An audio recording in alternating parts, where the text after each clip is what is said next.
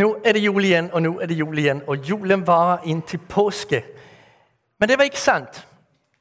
For innimellom kommer fasten. På onsdag starter kirkens fastetid, helt frem til påskelørdag. Gjennom historien har fasteregelen vært at man under denne periode kun spiser ett tilberedt vegetarisk mål om dagen. Et måltid om dagen. Og i øvrigt kun lettere måltider. I dag er det en del der faster ved ikke å være på Facebook eller ikke å drikke alkohol. At faste er å avstå fra noe man egentlig rett godt kan li. For ca. 500 år siden avskaffet man fasten i Danmark. Det var mange der tenkte at eh, hvis jeg skal få tilgivelse fra Jesus for mine synder, så må jeg kunne vise at jeg har vært riktig god til å faste. Og det var jo en misforståelse. Jesus tilgir oss jo fordi han elsker oss, ikke fordi vi er dyktige eller lykkes med å følge noen regler. Man syntes i Danmark at det var blevet så mange misforståelser av festen at vi like så godt kunne avskaffe den. Men vi har beholdt fastelavn søndag, og i mange kirker leser man bibeltekster og synger fastesanger om å omvende seg og bekjenne sine synder. Helt frem til påske. Det er intet galt med å faste. Man må gjerne gjøre det. Men hvis man gjør det, taler man ikke rett mye om det. Hvis man blir budt på en kake, så spiser man heller enn forteller at man faster. Fra på onsdag frem til påskelørdag er det 46 dager. Men fasten omfatter kun før er det 46 dager. En kristen faste holdes seks dager i uken. Mandag, tirsdag, onsdag, torsdag, fredag, lørdag. Om søndagen fester man ikke. Jesus oppstod på en søndag, så den dag skal alltid feires. Der skal man ikke avstå fra noe. Faktisk har jødene litt av det samme. I livets hårde tider græder det ved grædemoren flere dager i uken. Men da det er sabbat, der må man ikke græde ved grædemoren. Så feirer man at man er elsket til Gud og lever i pakt med ham. Men det der med før deg, hvorfor lik det? Er det noen av dere som kan huske noe med før fra Bibelen? Med tallet før? Har jeg hørt om det noe med Jesus og før, eller med Israel og før? Er det noen av dere som husker noe? Er det noen av de voksne som husker noe? Nei? Jo, en der. Andreas. Før år i ørkenen var Israels folk. Og Klaus? Det er riktig. Det var faktisk de to viktigste ting med før. Der er også, Jesus er også før er på jorden frem til han står opp til himmelen efter han har oppstått. Så det er før på noen andre tilfeller også. Jeg tror noe er før det i arken. eller hva det er. Men uh, uansett, de to viktigste jeg tenkte på, det var at fastetiden var før år, eller det var før år i ørkenen, og Jesus han ble fristet i før det. Så jeg skal faktisk tegne det i dag i tegnearket. Når det, når det er tid til tegneark, så kommer det et bilde hvor Jesus blir fristet i ørkenen i før dag. Før festen starter, har de kristne alltid holdt fest. I en del land holder man i disse dager karneval. Karne i året karneval har vi også en rett der heter chili con carne. Karne betyr kød. Karneval betyr farvel kød. Nå er det snart fastetid.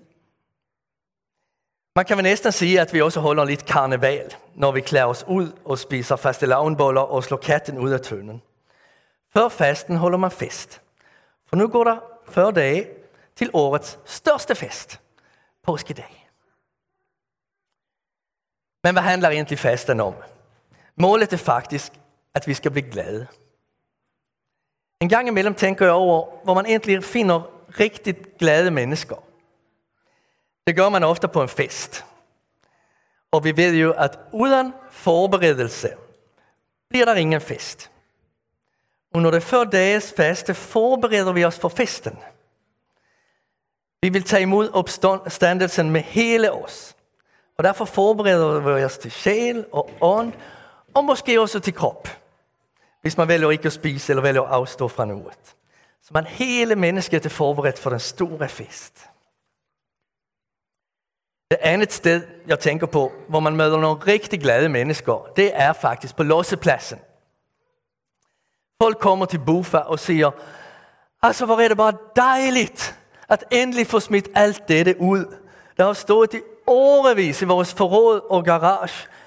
Og denne sofa, som bare fyller hele stuen. Oh, nå blir det bare skjønt, med noe litt nemmere og litt mindre. Og sådan kan vi også ha det i vårt liv. Vi kan ha synder, som vi helst skjuler. Som vi helst putter i forrådet. Og faste til den tid, hvor vi må åpne litt opp og overgive de synder til Gud. Vi kan også ha ting, der fyller meget i vårt liv. Litt som en stor sofa fylder i, i, i stuen. Måske legger vi alt for meget tid på skærmen. Eller trøster oss alt for meget med søde sager. Eller shopper riktig, riktig meget og gir nesten intet til gode formål. Og måske er vi ikke rett søde ved vores nærmeste, men mest irriterede hele tiden. Jeg kan godt være irriteret på mine børn alt for ofte, det må jeg altså innrømme. Så er fasten en tid, hvor vi kan sortere litt i vores liv. Vi kan eksempel minske på tv-tid og i stedet for be litt mer. Det går faktisk at avstå fra noe hvis man bare fyller på med noe annet. Vi kan øve oss i tålmodighed derhjemme og prøve å være litt mindre irriterede. Hvis vi aldri sorterer i vores liv og aldri bryter vores dårligste sider motstand, så får vi det til sist ikke rett godt i vores forhold til Gud og til hinanden. Og samtidig er festen også en tid, hvor vi på en særlig måte mottar Guds tilgivelse. Når vi sætter ord på vår synd og bekender den, så blir også Guds tilgivelse stor for oss. Og vi blir glade og styrket og frimodige. Så i fastetid vandrer vi opp mot Jerusalem, opp mot påsken, mot Jesu død og oppstandelse.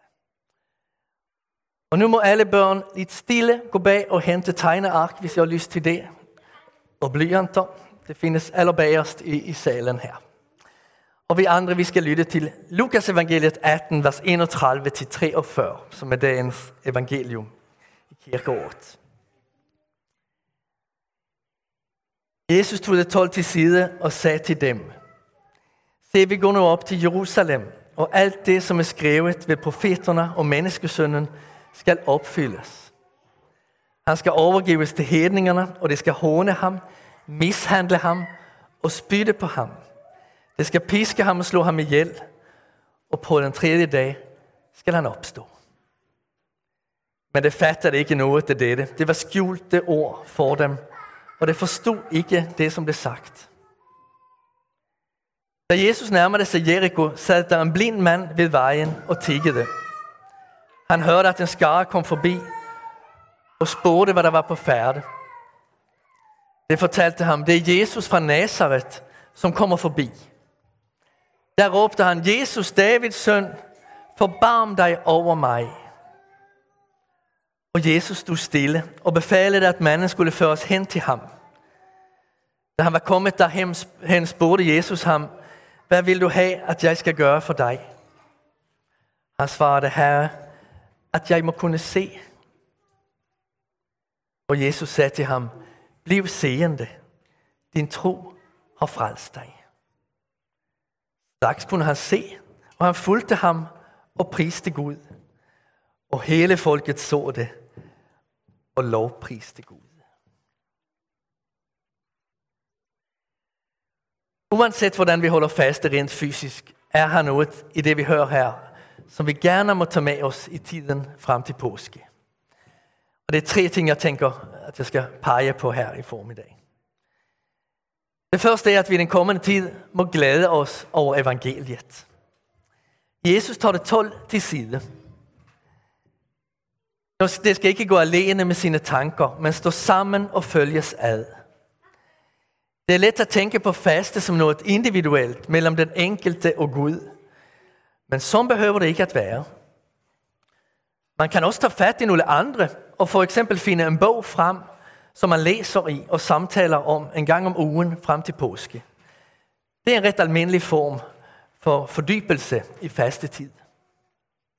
En præst i Odense, der heter Peder Østergaard Jacobsen, har skrevet en andaktsbok med meditationer i fastetiden. Den heter Før forretter til fasten. Jeg tror den finnes her på billedet.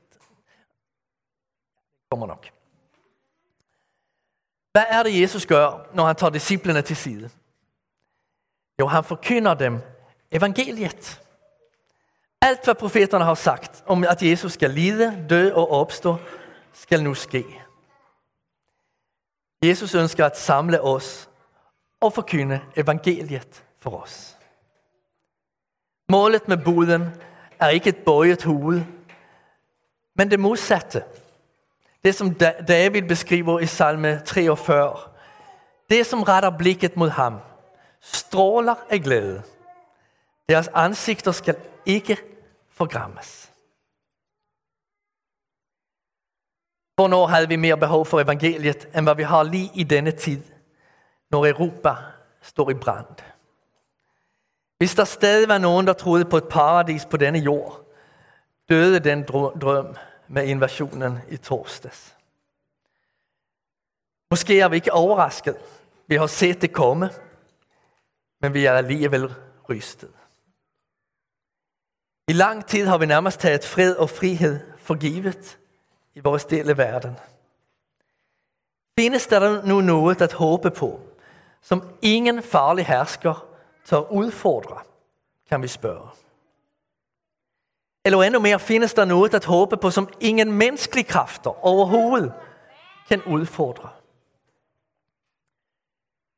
Det spørsmålet ble plutselig veldig levende.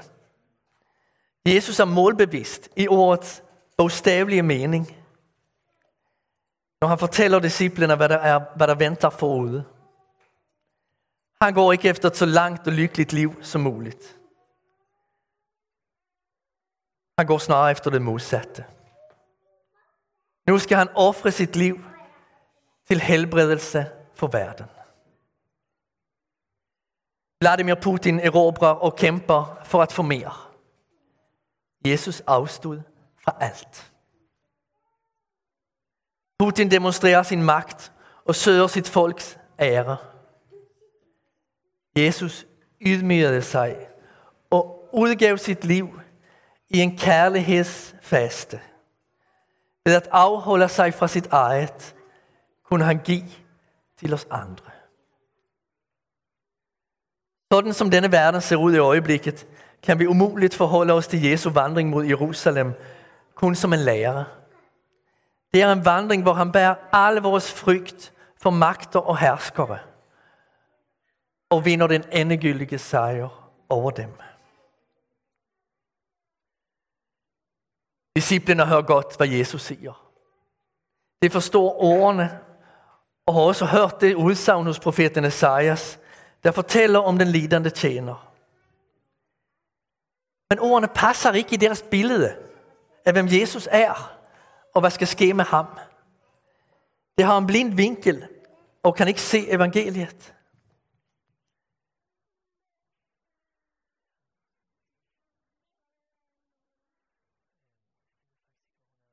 Er med Vilfred. Du må gå ud med ham. Det må have været den oplevelse af stor ensomhed for Jesus. Når han igen og igen fortæller sine nærmeste om den skam og smerte og død, der nærmer sig. Og ingen af dem forstår det.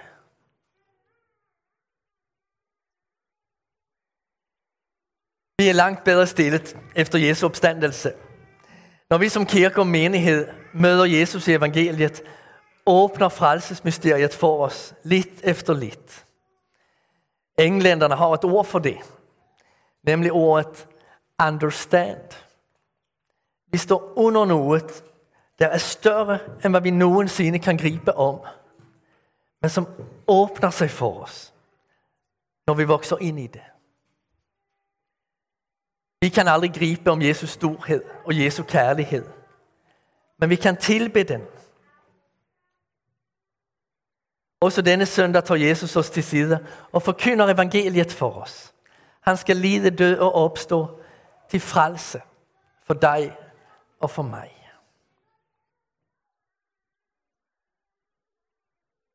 Ja, men Jeg, jeg prædiker nu, så jeg kan...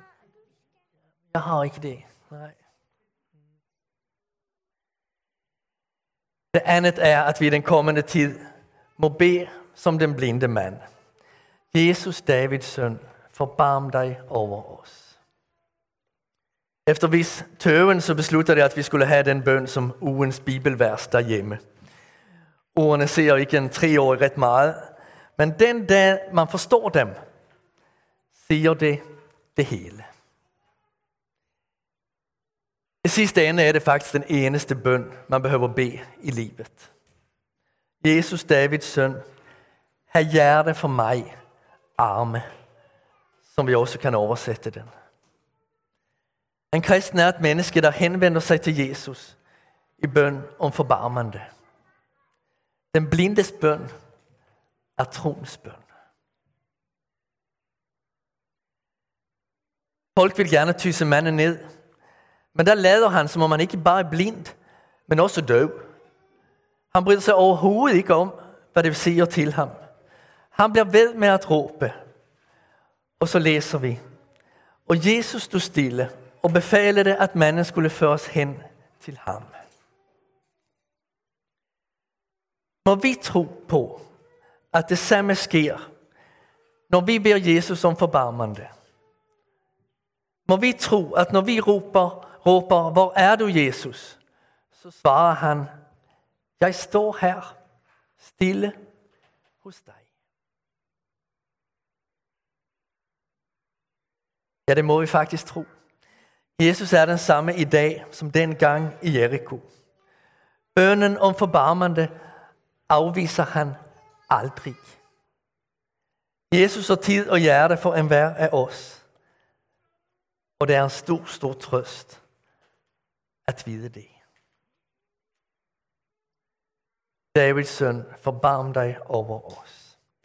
Og det tredje er, at vi i fastetiden må be Herre, at jeg må kunne se. For oss er det en bønn om en tro, der er rettet mot Jesus. Det er en bønn om at bibelordet skal bli stærkt og lysende for os. Det er en bønn om at få lov at være en av dem, som Jesus taler om i Johannes evangeliet 10. Mine få hører min røst, og jeg kender dem, og det følger meg. Det er en bønn om ikke kun å se oss selv, men lukke øynene for Gud og, hans, og lukke øynene for Gud og hans virke i verden. Herre, at jeg må kunne se, at jeg må kunne se dit ord, at jeg må kunne bli din efterfølger, at jeg må se ditt virke i verden. For den blinde mannen var det annerledes. Han var blind fysisk og bad om helbredelse for det. Men åndelig så han klarere enn noen annen. Åndelig var han seende lenge før helbredelsen. I kraft av sin tro ble han helbredt. Det er viktig å se dette. At mannen hadde tro, betyder, at han visste, hvad han skulle, den dag Jesus helbredte ham. Han skulle følge Jesus resten af sit liv. Straks kunne han se, og han fulgte ham og priste Gud. Hvis manden ikke havde tro, men kun ville bruge Jesus til at få et antal års forbedret livskvalitet, er det slet ikke sikkert, at Jesus ville have forbarmet sig over ham. Så ville han måske ha ladet ham bli i sin nød, til han forhåpentlig en dag oppgav troen på helbredelse og kunne begynne å finne den glede i Gud, som er tilgjengelig uansett livssituasjon. Frie går frelse alltid forut for helse. Men nå hadde man en tro, og derfor ble han et tegn for verden om hvem Jesus er og om det rige, der venter troens folk. Avslutningen av fortellingen er et billede for den himmelske verden. Der vil vi alle oppleve Jesu helbredende gjerninger. Der vil vi se Guds og den nye verdens skønhed med en fornyet klarhet og intensitet. Farverne vil være mer farver. Lyset vil være mer lys. Naturen mer natur. Musikken mer musikk. Mennesket vil være mer menneske. Gud vil være Gud i al sin herlighet. Vi vil ikke lenger se ham i et speil, i en gåde, men ansikt til ansikt. Og derfor vil det bli som ved undret i Jericho. Og hele folket så det og lovpriste Gud. Med den forskel at vi aldri vil kunne stoppe oss selv. Lovprisningen vil lyde i evighet. Vi må lovprise Herren for at han gir oss dette håp og minner oss om det i denne mørke tid av Europas historie. Det skal vi få lov til å gjøre i lovsangen om noen få minutter. Men la oss nå bede.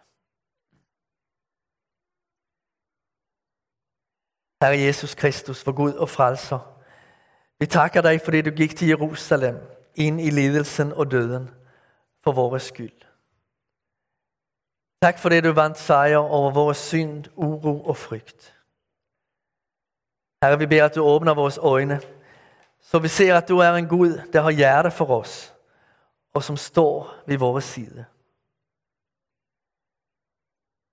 Lær oss ikke at kun se på oss selv, men på deg og dine løfter. Herre, ga oss til får, der hører din stemme, kjenner den og følger den. Fram til det evige rige bryter fram, og lovsangen ved din trone aldri stilles.